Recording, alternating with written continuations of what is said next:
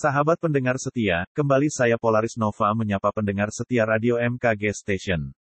Kali ini saya akan menyampaikan perakiraan cuaca hari Senin tanggal 4 April tahun 2022 dini hari untuk wilayah Provinsi Papua.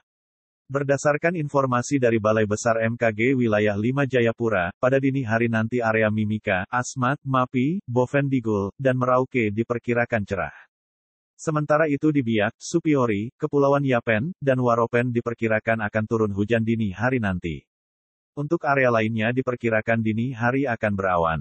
Demikian perakiraan cuaca untuk dini hari tanggal 3 April tahun 2022. Informasi perakiraan cuaca ini juga bisa Anda dapatkan melalui Instagram dan Facebook Info BMKG Papua. Simak terus update perakiraan cuaca untuk wilayah Papua melalui kanal podcast Radio MKG yang dapat diakses melalui Spotify, Anchor.fm, Apple Podcast, dan SoundCloud.